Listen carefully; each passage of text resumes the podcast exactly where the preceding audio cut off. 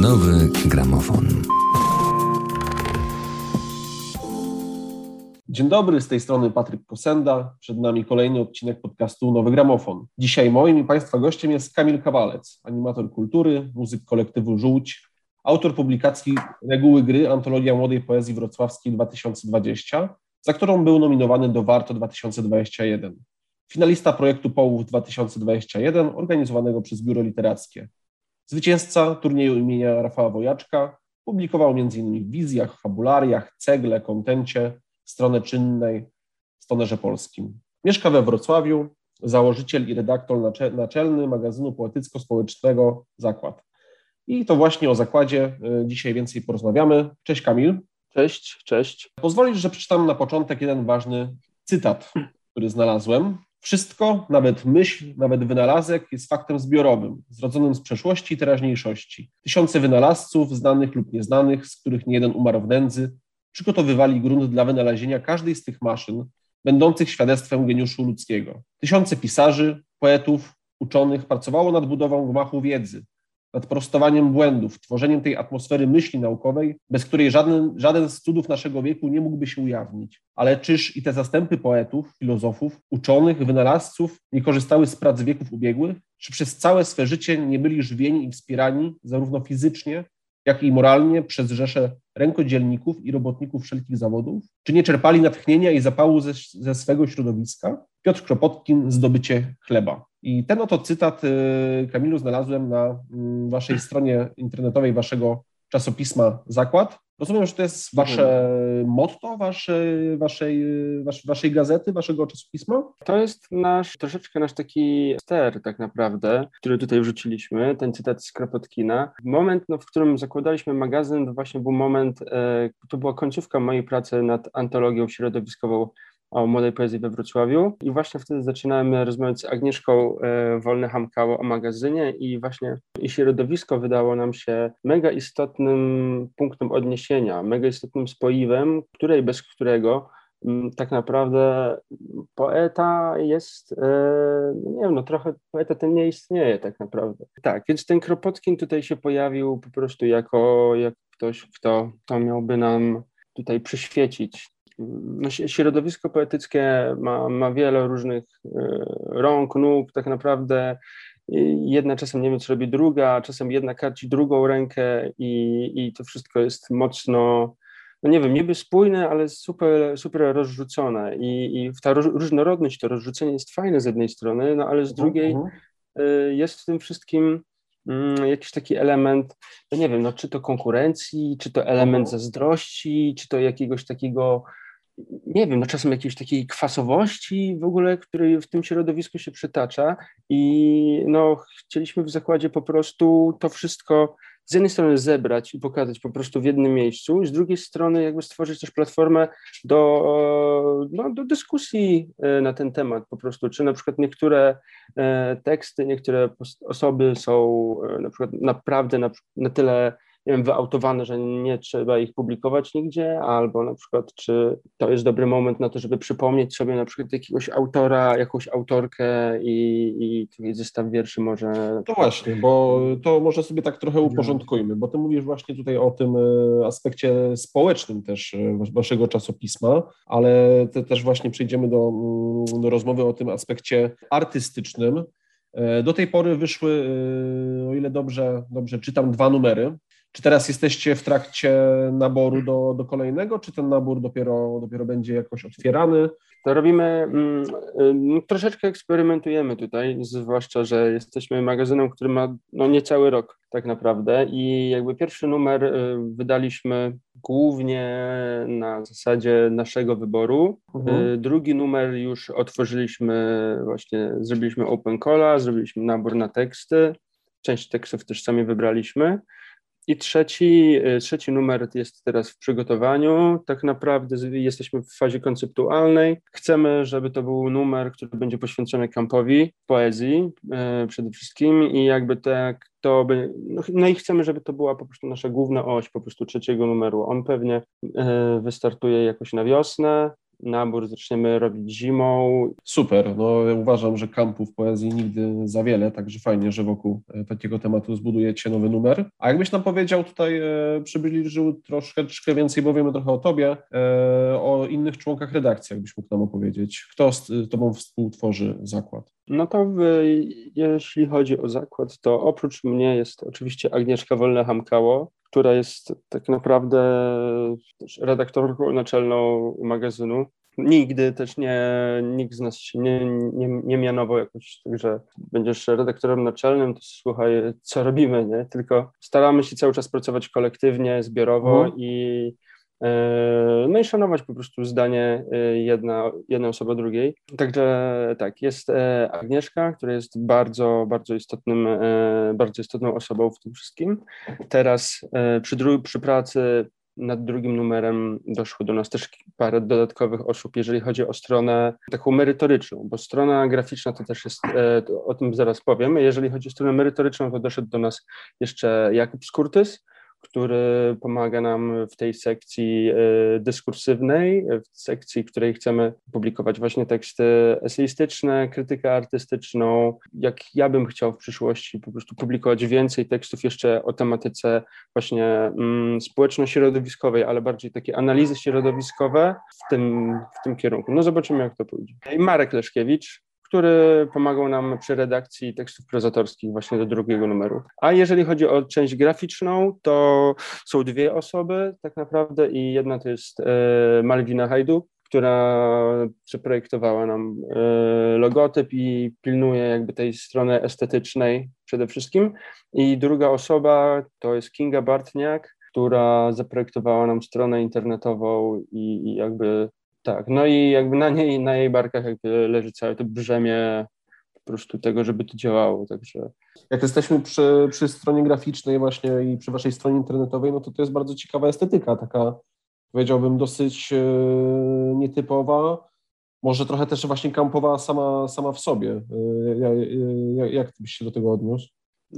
Tak, właśnie nie, wydaje mi się, że jesteśmy jeżeli chodzi o estetykę, no to jest, jest to bardzo surowe, trochę futurystyczne, trochę mhm, kwaśne, uh-huh. trochę takie trochę takie kiczy momentami. Uh-huh, na przykład uh-huh. mamy ten motyw właśnie, e, czy to tej trawki, czy tych grzybków, które są takie lekko rozpikselowane i to się wydaje, no właśnie staramy się to troszeczkę ogrywać tutaj tą estetyką e, dodatkowo e, teksty poetyckie, chcemy jakby pokazać, że no nasz wybór, tak naprawdę to, co prezentujemy, jest też pewnego rodzaju grą. Jeszcze ostatnio weszło takie, mm, jak się dowiedziałem, że wchodzi ten Matrix zmartwychwstanie, mhm. to pomyślałem, że przecież estetyka zakładu jest, no nie, super w ogóle wpisuje się w ogóle w tą estetykę tak, tak. matrixowską. E, to nie było do końca przemyślane, ale skoro tak jest, to też nie, nie czuję potrzeby, żeby się e, tutaj na siłę zmieniać, bo też jest fajne i jakieś tak.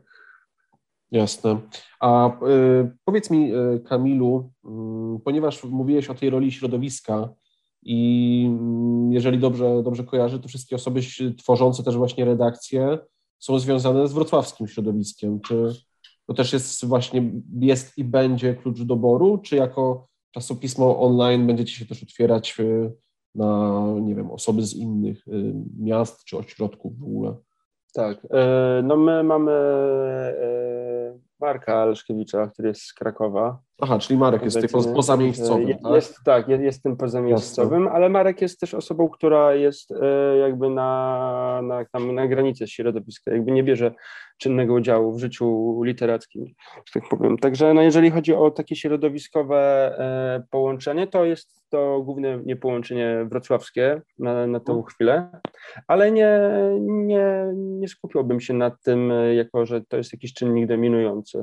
W sensie mm, mamy takie pomysły też, żeby tutaj już ograć y, może tą, tą, redakcję, tą redakcję troszeczkę z autorami naszego, y, naszego magazynu. Nie wiem w sumie na ile mogę o tym mówić teraz, bo to jest uh-huh. bardziej jako taki pomysł szkic, ale y, mieliśmy coś takiego przez pewien, przez pewien moment, żeby prosić naszych, naszych autorów, którzy już opublikowali na przykład u nas zestaw wierszy, o wybór kolejnych autorów, którzy na przykład według nich powinni opublikować swój zestaw. I Mhm. wtedy na przykład tą redakcję oddalibyśmy po prostu osobom, które już są w numerze, także jakby doszłoby troszeczkę do takiego, powiedzmy, nie wiem, mianowania, wybierania, nie wiem, przez poszczególnych autorów już y, bliższych sobie dykcji, może innych ciekawych, e, innych ciekawych zjawisk, które w poezji są dla poszczególnych au- autorów istotne, a na przykład dla nas mogą być trochę e, niewyczuwalne, bo nie jesteśmy z tego środowiska. To by był taki ruch właśnie mający na celu em, otworzyć tą redakcję w taki dosyć Mhm. eksperymentalny sposób. No zobaczymy, jak to nam e, się uda w ogóle. Nie wiem, czy w tym numerze, czy w kolejnym. Jasne, ciekawie by to na pewno re- rezonowało. Kamilu, chciałem Cię zapytać o stałe rubryki w Waszym czasopiśmie, ponieważ macie swoich stałych, y, nie wiem, jak powiedzieć, korespondentów, felietonistów. Byś mógł trochę więcej przybliżyć ich sylwetki i o nich opowiedzieć. Tak, mamy, mamy stałe rubryki, to się u nas rozrasta powoli. Na chwilę obecną y, mamy po prostu taki cykl, gdzie publikujemy y, y, rubrykę Piotra Janickiego i Adama Kaczanowskiego. Do tego dochodzi jeszcze y, seria mm, takich krótkich mikroesejów fotograficznych y, Łukasza Rusz, Rusznicy. Mm, No i w serii jeszcze pokazuje, jeżeli dobrze pamiętam, w serii pokazuje się jeszcze komiks Tomka Bąka, Przygody e, Człowieka Pizdy, ilustrowany przez Daniela e, Raszewskiego. E, No i to są, te serie właśnie tak wrzuciliśmy sobie do magazynu jako coś, co fajnie jakby tutaj też może podtrzymywać ciągłość kolejnych numerów, może też jakby oddawać, nie wiem, idzie to też sobie swoim trochę torem, trochę swoim życiem, e, tak e, niezależnie jakby od tego, czy my będziemy nadawać kolejne cykle, czy jakieś tematyczne, czy nie. Mm, No i też jak zakładaliśmy na samym początku magazyn, myśleliśmy o tym, że fajnie, że ciekawie byłoby dodać do takiego magazynu poetyckiego w ogóle taki element też y, trochę takiego fanu na zasadzie rubryk z takich magazynów, ale powiedzmy takich magazynów telewizyjnych, troszeczkę takich, e, e, takich gazetek i pomyśleliśmy właśnie, że może te rubryki u nas można by czytać właśnie w taki sposób, jak takie rubryczki, okientka, dajmy na to w jakiejś tinie, czy e, pani domu na przykład, gdzie tutaj nagle taki, taka wrzutka, która jakby opowiada, w sensie jakieś tam perypetie się dzieją. A myśleliście na przykład, żeby w przyszłości wydawać na papierze? Czy wolelibyście pozostać w przestrzeni tutaj właśnie tej, tej, tej sieci? Tak, no chcę, w sensie to, to jest sprawa ten, sporna, tak uważam. Jeszcze wracając do e, poprzedniej wypowiedzi, akurat e, złapałem się tutaj za, e, za jedną rzecz, że takim, takim motywem, który nam gdzieś tam świecił w głowach przy, przy zakładaniu magazynu była właśnie troszeczkę ta estetyka takich broszur i, i tanich magazynów telewizyjnych. Pewnie w dużej mierze odeszliśmy od tego, ale gdzieś to na pewno jest i możliwe, że w pewnym momencie też do tego będziemy wracać.